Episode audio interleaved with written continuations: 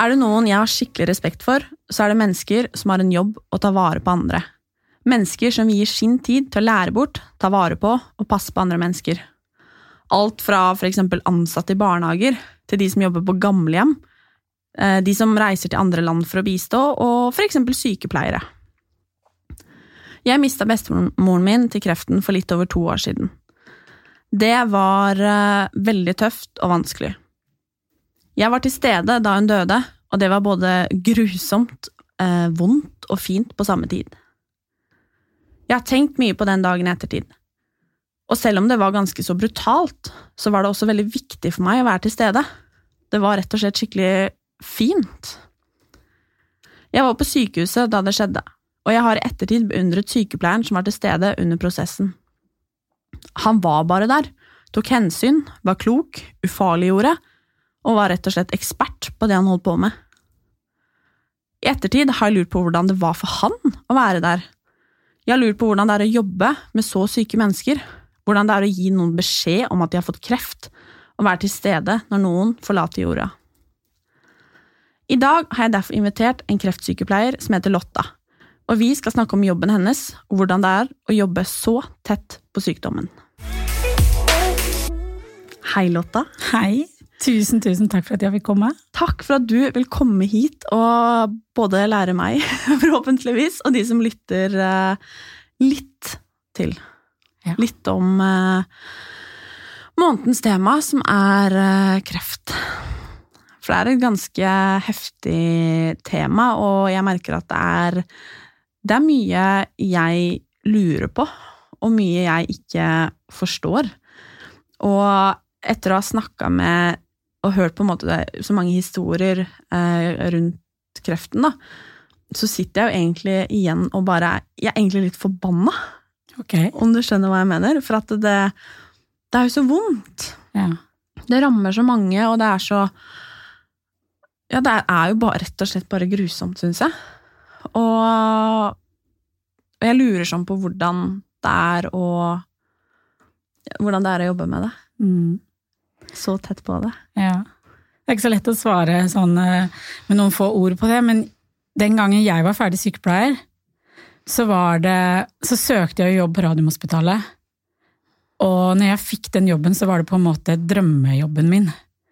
Og jeg gleda meg veldig til å begynne å jobbe med kreftpasienter, og visste vel egentlig ikke hva jeg gikk til da.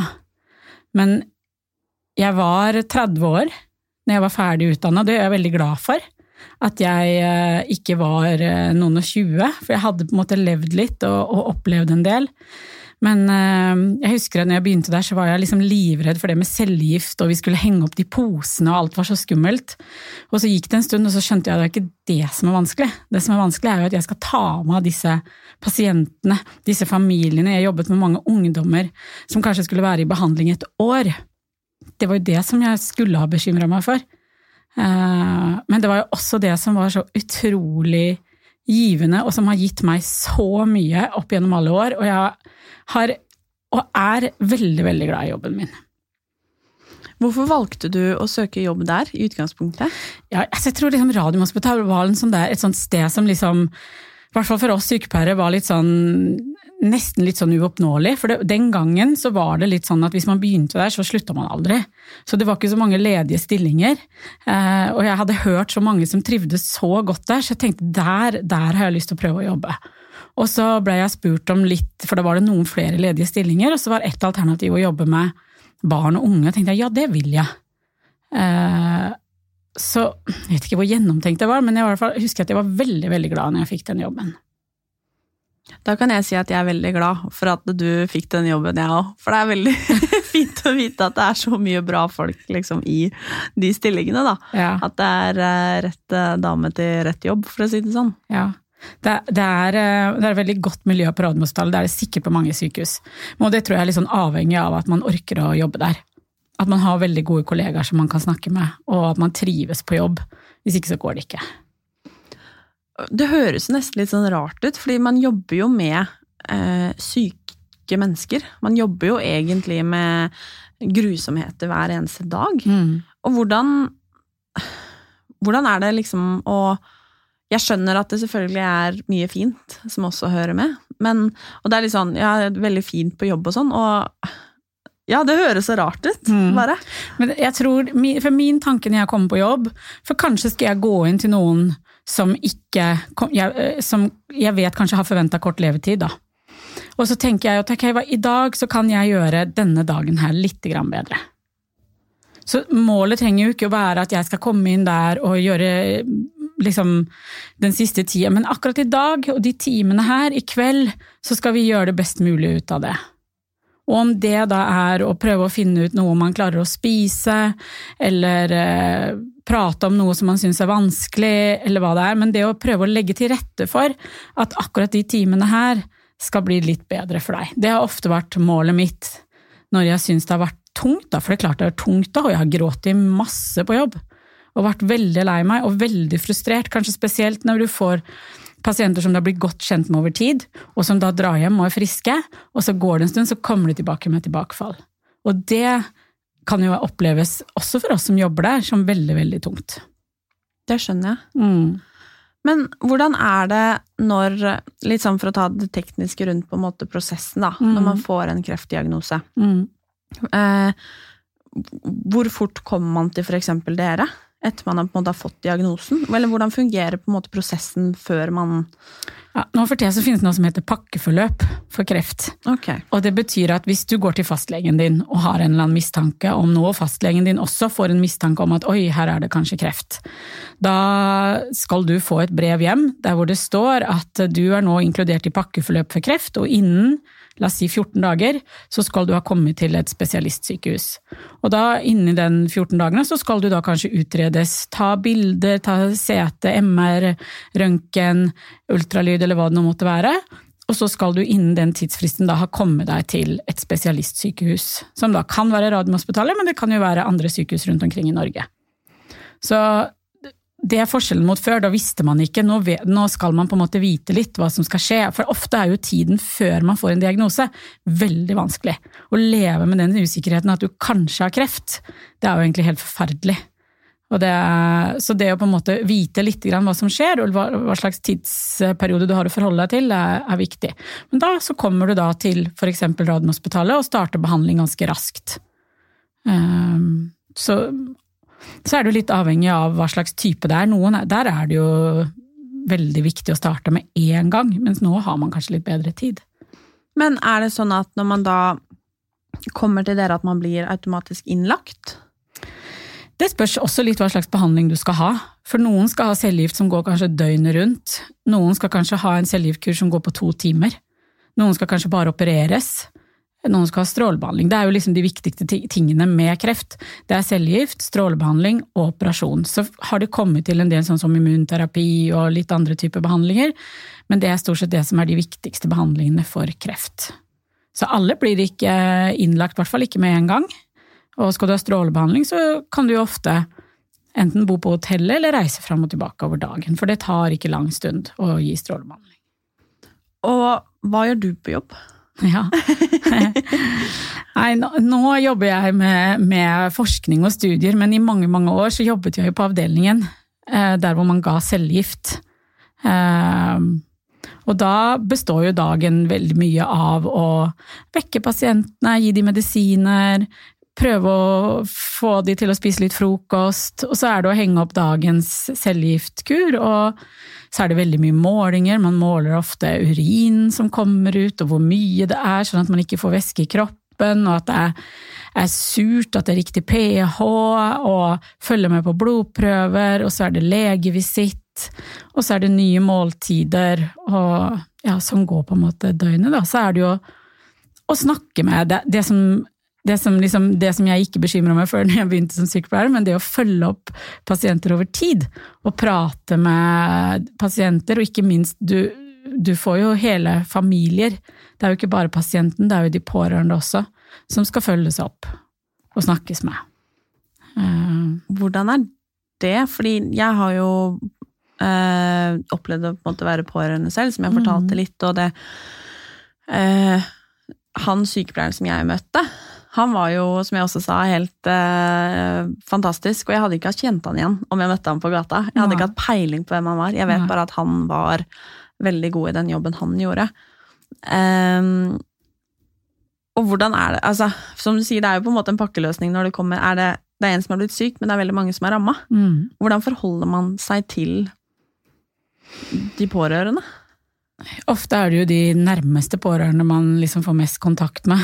Foreldre eller ektefelle eller barn. Og det er jo ikke alltid vi klarer å følge opp det så godt som vi kanskje skulle ønske. Eh, Fordi det går jo på tid mange ganger, og kanskje folk kommer langveisfra, ikke har med seg pårørende. Men det er jo en veldig viktig del. Vi vet jo at eh, ja, sånn som du sier, da. Det er mange som er ramma. Det er ikke bare pasienten, det er mange som er påvirka. Så, så godt det lar seg gjøre, så prøver vi å følge opp eh, de pårørende. Man kan dra på skolebesøk, eksempel, hvis eh, man har yngre pasienter. Eh, da drar man kanskje også, ofte hjem. Um, og så snakker man med de når de er der, eh, og gjør så godt man kan. Det er bra. Mm. Det er eh, Man blir veldig glad i hele familien ofte. Du- Men er du noen gang litt redd for det, på en måte? Fordi at man kan jo ikke Eller i hvert fall sånn når man har sett på TV-serier, sånn, så, eller man hører sånn så Nei, det er viktig å ikke ta med seg jobben Ja. hjem, og alt det der. Og det er klart, jeg tenker når man har en sånn jobb som deg, så er Ja. det jo Er det i det hele tatt mulig? Altså, jeg husker de første årene jeg jobbet, så tok jeg veldig mye med meg jobben hjem. Nå tenker jeg nok ikke så ofte på jobben eh, hjemme, men man har på en måte et slags profesjonelt forhold til Du kan jo ikke gå inn i det som om du vore en venn eller en familiemedlem. Du er jo du, du er sykepleier, og du Men selvfølgelig blir man glad i dem og kommer nært dem på en helt spesiell måte, men ikke, ikke som om jeg var eh, en del av eh, den nærmeste kretsen. Så du ha, har en slags sånn profesjonell avstand, men det er noen ganger noen ganger så, så knekker litt den der eh, fasaden, da, så kryper de liksom litt langt inn i hjertet ditt. Eh, og jeg har gått ut av rom, ja, fordi at jeg kjenner at nå, nå, nå kommer tårene, og jeg har ikke lyst til å stå her inne. Nå passer det seg ikke helt å gråte, så jeg har på trukket meg ut noen ganger. Det er ikke så, men, og de gangene husker jeg, selv om det er mange år siden. Så kan jeg huske, og det er noen sanger for eksempel, som minner meg veldig om situasjoner eh, som for meg blei litt for tøffe, da, kanskje. Mm. Og så har vi ikke alltid hatt den beste Det er kanskje noe som jeg syns mangler. At det å få tømt seg og få veiledning på jobb. For du må Altså hvis ikke du får tømt deg, så blir jo disse opplevelsene De legger seg jo litt eh, og fyller deg opp. Og sånn blei det for meg. Jeg, etter ti år på Radiumhospitalet så smalt jeg skikkelig i veggen. Eh, og var sykemeldt i et år. Mm. Uh, og det tror jeg, da, at en stor grunn til det var for at jeg fikk liksom ikke tømt alle de opplevelsene, og, og det var en periode hvor det var veldig mange pasienter som kom med tilbakefall. Og det, det var Da plutselig en dag så kunne ikke jeg gå på jobben mer. Og det unner jeg ingen. Eh, og jeg har lært veldig, veldig mye av det. Mm. Eh, så hvis man ikke passer seg, så kan det gå sånn. Det skjønner jeg også veldig, veldig godt. Mm. Det er eh, Ja. Jeg, jeg lurer fortsatt litt på at, hvordan man klarer å på en måte stå i det. Og det er som jeg sier, jeg har så stor respekt for det. Og jeg, jeg er så glad for at folk gjør det. Men hvis jeg skal spørre sånn, da, hva er det beste ved jobben din? Pasientene mine. Mm. Mm. Å kunne hjelpe de å gjøre en forskjell. Og, og jeg vet at det at jeg er her nå, gjør det litt bedre for deg, på en måte. At de føler seg trygge, at de føler seg ivaretatt. Eh, Og at jeg føler meg trygg på det, og sikker på den jobben jeg gjør. At du på en måte kan være så stor hjelp og nytte for noen, da. Mm. Det, det tror jeg er det beste med jobben vår, eller jobben min. Og for å stille omvendt spørsmål, da. Ja. Hva er det verste med jobben din? det er nok eh, å miste pasienter. Pasienter som dør. For altså, selv om mange overlever kreft, så gjør jo ikke alle det. Nei. Hvor mange krefttyper finnes det egentlig? Vet du det? Nei. For jeg føler at det fins uendelig. ja, det gjør jo nesten det. Altså, jeg jobber jo med en veldig sær diagnose som heter sarkom. Og, okay. og bare øh, Det finnes masse forskjellige sarkomer. I hvert fall 50 forskjellige. Så, og det finnes jo masse typer brystkreft og masse typer prostat... Altså, så det er Jeg tror Akkurat hvor mange forskjellige typer, det tør jeg ikke å si. Nei, det var mange flere enn det jeg tenkte, i hvert fall.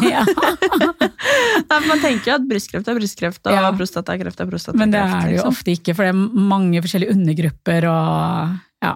Ja, Mm. selvfølgelig. Mm. Men hvordan er Altså, jeg merker at jeg syns det er vanskelig å prate om det. ja. Hvordan er det når dere skjønner at en pasient ikke har lenge igjen å leve? Mm. Hvordan fungerer den prosessen?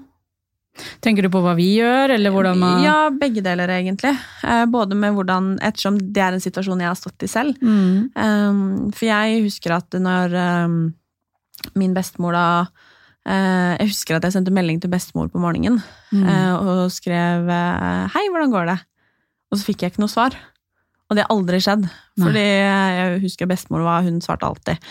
Hun, eh, hun levde vel omtrent gjennom meldinger og snap og alt som var, liksom. Ja.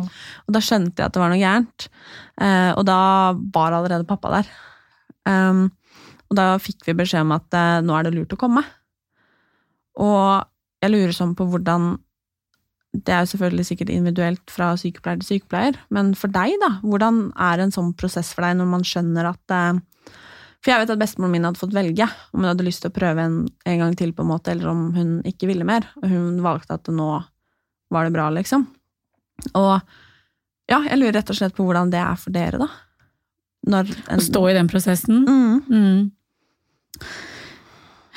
Jeg syns jo ofte eh, Nå tenker jeg liksom på alle de årene jeg har jobbet, så er det lettere Faktisk, det høres kanskje litt rart ut, men jeg syns det er lettere de gangene jeg har fått vært med på hele prosessen, enn å komme på jobb, og så hun, la oss si det hadde vært bestemoren din, da, som jeg hadde blitt kjent med veldig godt, og så kom jeg på jobb fordi jeg hadde hatt fire dager fri, og så er hun død.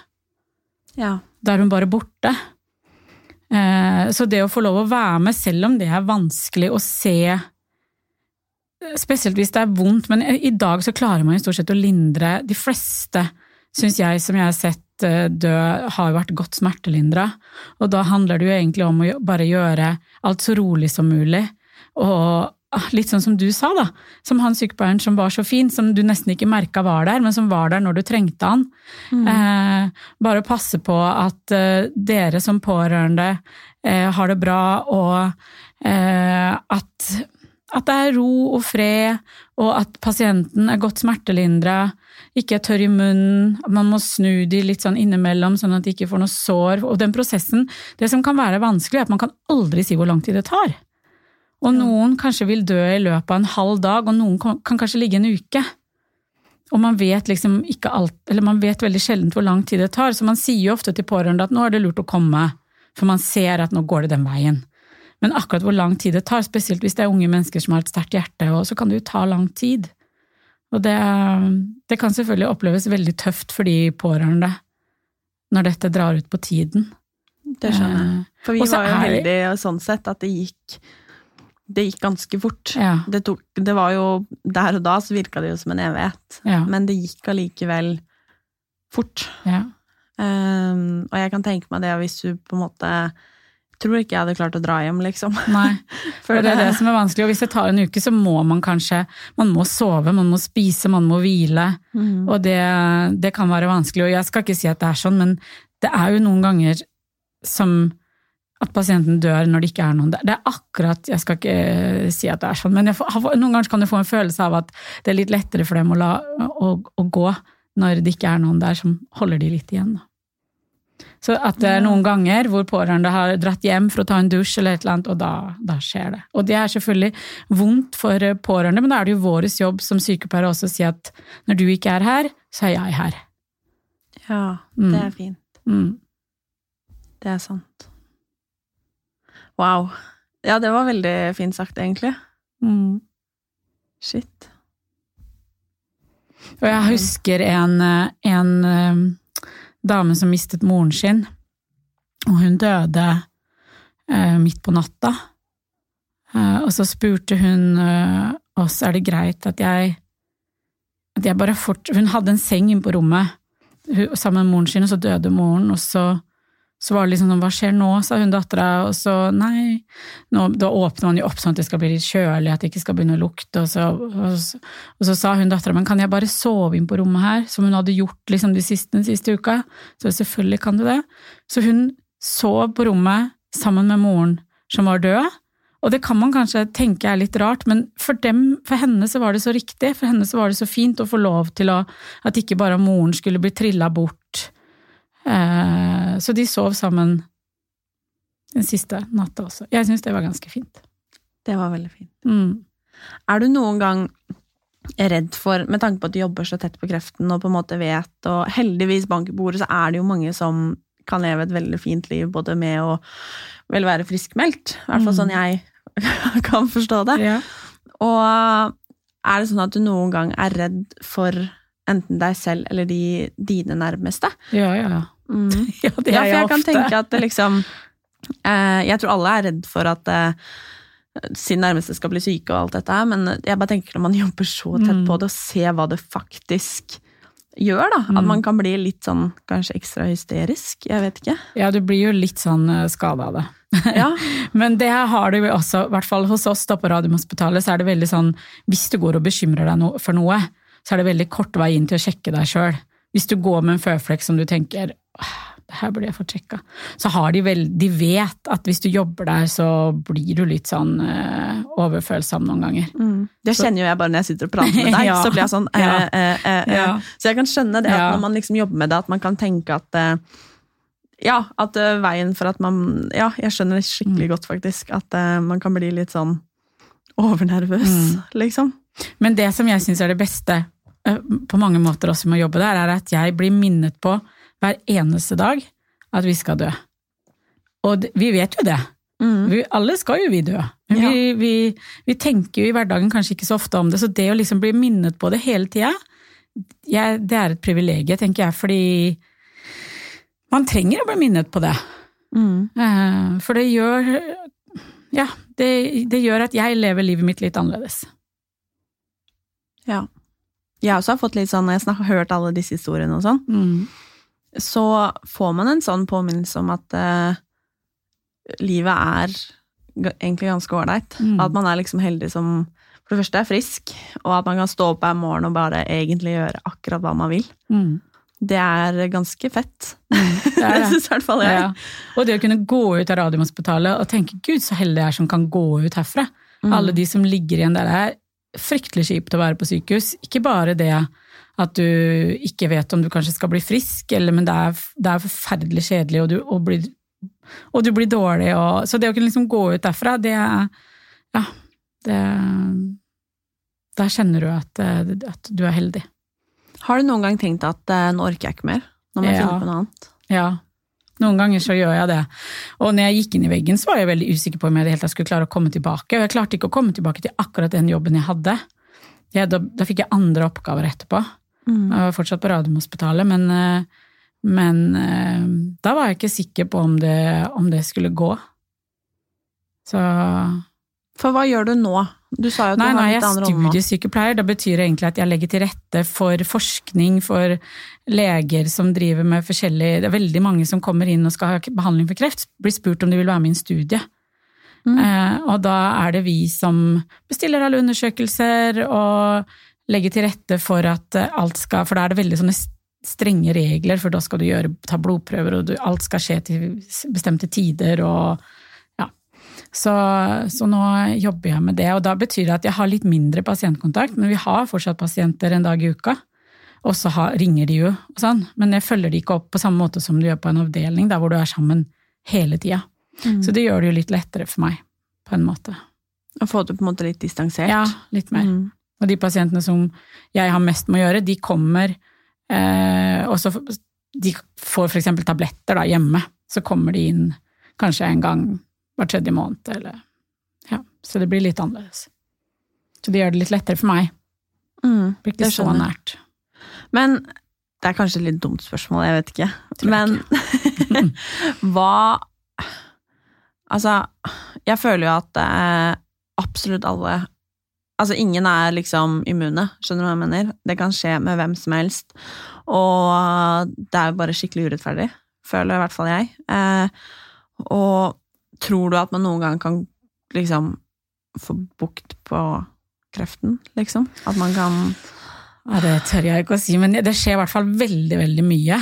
Eh, og det kan godt hende at man klarer det en eller annen gang i fremtiden, men eh, det kommer sikkert til å bli veldig annerledes. Men nå holder man jo på og ser veldig mye på gener, og alt skal være veldig tilpassa hver enkelt person, og så ja, det kommer sikkert til å skje mye fremover. Men om det kommer til å bli helt borte, det, det vet jeg ikke. Man kan jo håpe, for det er en fryktelig urettferdig Det er mange sykdommer som er det, men det er jo, man føler jo ofte at det er veldig urettferdig. Spesielt for oss som jobber med barn og unge. Eh, Har du røyka i 50 år og får lungekreft, så har du i hvert fall bidratt ganske sterkt til at du fikk det. Men eh, er du 17 år og får kreft i et bein, så ja, det, det er rimelig urettferdig. Det er det. Jeg husker jeg hadde Gikk på barneskolen, så hadde jeg en, eh, en i klassen min som eh, ble ramma av kreft. Og da gikk vel eh, Gikk vi i første eller andre klasse, husker jeg. Og det var liksom første møte til veldig mange, da, Mm. eh, med kreften.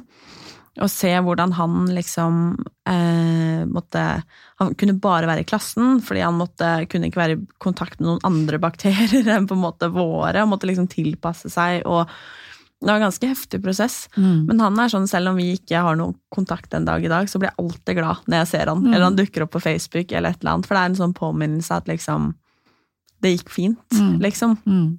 Og det tror jeg også er veldig viktig, da. Ja. At det, det faktisk Kreft trenger jo ikke å bety død og fordervelse, Nei, liksom. og det er kjempeviktig, og det er, de fleste blir jo friske. Men det er jo fortsatt sånn i dag at når man får kreft, så tenker man oi, nå skal jeg dø. Mm. Eh, Det er, det, er, det er en sånn merkelig stempel. Det er mange andre sykdommer du kanskje har større sjanse for å dø av, hvor du ikke ville tenkt det. Men eh, ja, så det, det er Og det er jo også sånn, for det føler jeg er veldig, veldig viktig, at det å komme inn på sykehus og få behandling for kreft, det er, det er ikke sånn som jeg tror liksom folk tenker litt, det å være på Radiumhospitalet, der går folk rundt med et stativ uten hår og gråter, eh, og det er forferdelig å jobbe der, men det er ikke sånn det er der. Det det er selvfølgelig triste stunder, og mange gråter, og man er lei seg, men det er masse humor, det er masse glede, det er masse vennskap. Eh, og det er så mye latter i gangene der, og så mye galskap. Så det det, Jeg tror Fantasien er jo ofte mye verre enn virkeligheten, så eh, ja. Det, det er i hvert fall et veldig fint sted å jobbe, og jeg skal ikke si at det er et fint sted å være, men det er ikke et sånt kjempetrist sted hvor alle er lei seg. Sånn er det ikke. Hvis det sitter noen som hører på nå og liksom vurderer enten om de skal ta utdanne seg til sykepleiere, eller vet kanskje ikke hvilken retning de skal gå, hva vil du råde de til? Jeg syns jo sykepleier er en kjempefin, eh, et kjempefint yrke og en kjempefin jobb, og man har jo veldig mange muligheter som sykepleier, og man vil videreutdanne seg, man kan jo jobbe med masse forskjellige ting. Så hvis man tenker på det, så syns jeg absolutt eh, det er en god idé. Um, så syns jeg jo ikke at man trenger å bestemme seg så innmari tidlig alltid for hva man vil bli. Eh, At jeg føler at veldig mange i dag er veldig stressa. Eh, Jeg har jo barn sjøl som er 20, og at man allerede nå skal vite hva man vil bli. Jeg tenker at Det gjør ingenting om man bruker noen år på å tenke seg litt om og prøve litt forskjellig. Og, ja. Å, det var godt å høre. ja. Og hvis man skal bli sykepleier, så tenker jeg også at det er fint å ha gjort litt annet før du blir sykepleier. Jeg er i hvert fall veldig glad for at jeg gjorde det. Mm. Jeg tror jeg, jeg, tror jeg, jeg ble en bedre sykepleier av å ha levd litt før jeg begynte å jobbe uh, på Radiumhospitalet. Hvordan kan man være en uh, god pårørende? Du som liksom har sett så mye. Hva, altså jeg kan, tro at det, kan tenke meg at det er et spørsmål dere også kan få. Liksom. Mm. Hva, Når noen får den kreftbeskjeden, liksom, Mm. eh, at mange lurer på ok, hva gjør jeg nå? Hva er min rolle nå? Det er jo ofte frustrerende å være pårørende, jeg tror noen ganger at pårørende nesten har det verre enn den som er syk, for du føler på den der avmakten av å ikke få gjort noe. Um, og jeg tror det viktigste er, i hvert fall ved å liksom ha snakket med veldig mange pasienter, det er liksom å tørre å være åpne. Tørre å snakke med hverandre om, om alt det som er vanskelig, for ofte så ser man det veldig forskjellig, men så lenge man tørre å si at jeg føler det sånn her, og det kan jo være alt fra seksualitet til mat til eh, Ja, det blir så mange frustrasjoner og temaer, men hvis man tør å si Fortsett å være åpne og snakke sammen, så tror jeg man kommer veldig langt. Og jeg tenker når det gjelder venner òg, for det, det er kanskje når man er litt sånn utafor, når man ikke er nærmeste familie, så vet man ikke helt alltid skal jeg ringe, skal jeg Off, nå har jeg hørt at han har fått kreft, og hva skal jeg, skal jeg liksom Jeg tror at hvis du tenker tanken, skal jeg sende en SMS, eller skal jeg ringe, da skal du gjøre det. For jeg tror det verste som skjer for de som blir syke, det er jo at folk trekker seg unna. Mm. At, jeg, at du, du, kan ikke si så veldig mye feil, for da kan du bare si at eh, jeg vet egentlig ikke hva jeg skal si, men jeg er kjempelei meg for at du har blitt syk, og si ifra til meg hvis det er noe jeg kan gjøre, gjøre for deg. Men å la være å si noe, eller la være å ta kontakt, det, det tror jeg sårer ofte mye mer. Ja. Mm. Det hørtes veldig klokt ut, det også. Veldig. Ja. Det er sikkert ikke så lett alltid, men uh, Jeg tror det er lett å tenke at uh, hun eller han har sikkert nok. mm, Det er sikkert Nei, nei, det vi vil liksom ikke forstyrre. mm, det tror jeg også. Mm. Jeg kan i hvert fall tenke meg det, liksom. Jeg er jo ikke Men noen da, ekspert. da, ring, da, hvis man ringer, da, da tar man jo ikke telefonen, da, eller svarer. Altså, hvis man i hvert fall tar kontakt, så, så viser man jo at man bryr seg. Jeg tror det er viktig. Mm. Og så lurer jeg på, når man er innlagt på Radiumhospitalet, Mm. eh, hvordan Når man er pasient, for eksempel der, da, eller på et Mm. annet sykehus, men eh, hvordan fungerer en hverdag der for en pasient? Da skjønner jeg at noen er veldig, veldig syke og kanskje ikke orker så mye, men sikkert noen som orker i hvert fall litt Mm. også. Hvordan fungerer det altså sånn å være pasient, da, på Ja. et eh, Ja, i en sånn situasjon? Er det, får man liksom eh, spise det man vil til lunsj? Kan man liksom eh, se på serie med kjæresten sin? Kan man ligge med kjæresten sin? Altså, Ja. du, du er skjønner hva jeg mener? Ja. Det, eh, det spørs jo litt på hvor altså, Sånn som det er nå, så finnes det jo helt opp til rom hvor man ligger fire stykker på ett rom. Eh, nå, mange sykehus og det nye Radiumhospitalet, der skal det bare være enerom. Det vil jo gjøre livet på en måte kanskje lettere, men så blir du kanskje også litt mer alene noen ganger, da. Eh, Men noen ganger så deler man jo rom, og noen ganger ligger man alene. Eh, Du kan ofte, hvis du har veldig dårlig matlyst, så kan du ønske deg, ønske deg mat. Det du eh, Men det, det der har jo også blitt mye dårlig. Før så hadde vi eget kjøkken. Da var det mye lettere, da kunne kokken eh, ordne noe. Nå kommer maten fra Rikshospitalet, så alt har blitt litt sånn vanskeligere. Men man prøver å svinge seg på kjøkkenet hvis man kan, eh, i forhold til mat. Eh, det er ingen visittider. Altså pårørende og venner kan komme og gå som de vil. Eh, noe jeg syns er veldig fint. Mm, enig. Og det finnes på Radiumhospitalet, og jeg tror også på mange andre sykehus, et ungdomsrom hvor man kan gå og være i fred. Eh, og der kan man spille PlayStation og se på film, og, og det kan du også på rommet, men det, det, er liksom et litt fristed, da. Det finnes en fritidsleder som man kan gå ned til. Eh, der kan man også sitte og prate om helt andre ting enn eh, ja, en sykdom og cellegift. Og så finnes det fysioterapeuter som du kan trene med. Det finnes treningsrom. Du kan gå ned på den ergoterapien. Der kan man, det er ikke bare for gamle mennesker der, men der kan du drive med litt sånn eh, hobbyting. Uh, ja. Det, men det er jo ikke mye privatliv på et sykehus. Så jeg tror ikke det er så mange som har sex på Radiumhospitalet, det tror jeg ikke. Uh, fordi det kan jo når som helst komme noen inn gjennom døra. Men vi, vi oppfordrer jo veldig til å ha venner og kjærester på besøk. Kanskje spesielt i helgene. Det er jo dønn kjedelig å være på sykehus i helgene, det skjer jo ingenting. Så det å trille inn en ekstra seng og ha venninna si eller kjæresten sin på besøk, eller søsken eller hva det måtte være, det, det gjør jo helgen mye lettere. Så jeg tror man prøver å strekke seg veldig langt for å ja, gjøre at man skal få det så, så bra som mulig, da. Mens man er der. Det var godt å høre. Ja. Veldig. Mm. Og så lurer jeg på eh, Hvis man har, eller får, eller ja, skal være så heldig å ha kreft, liksom. Mm. Eh, som sykepleier, da, hva tror du det er viktig å huske på å gjøre når man får en sånn diagnose, enten om det er i en liten grad eller stor grad, eller ja, sånn generelt? Har du noen liksom Hva hadde du gjort, liksom? Hvis jeg hadde fått kreft? Ja. Ja, hva hadde jeg gjort da? Eh, Ja, jeg tror jeg er en ganske åpen person, så jeg hadde nok valgt å være åpen om det. For det er jo også et tema, skal man fortelle om det. Det er ikke det at jeg tror jeg kanskje hadde lagt ut på Facebook, eller, men jeg tror jeg i hvert fall ville fortalt alle rundt meg eh, hvordan det var for meg. Eh, det gjør det litt sånn også lettere, innbiller jeg meg, da, for de rundt, å vite hva de skal gjøre med meg, hvis jeg er åpen og forteller dem at jeg trenger, det her trenger jeg nå. Um, så jeg tror jeg ville valgt å være åpen og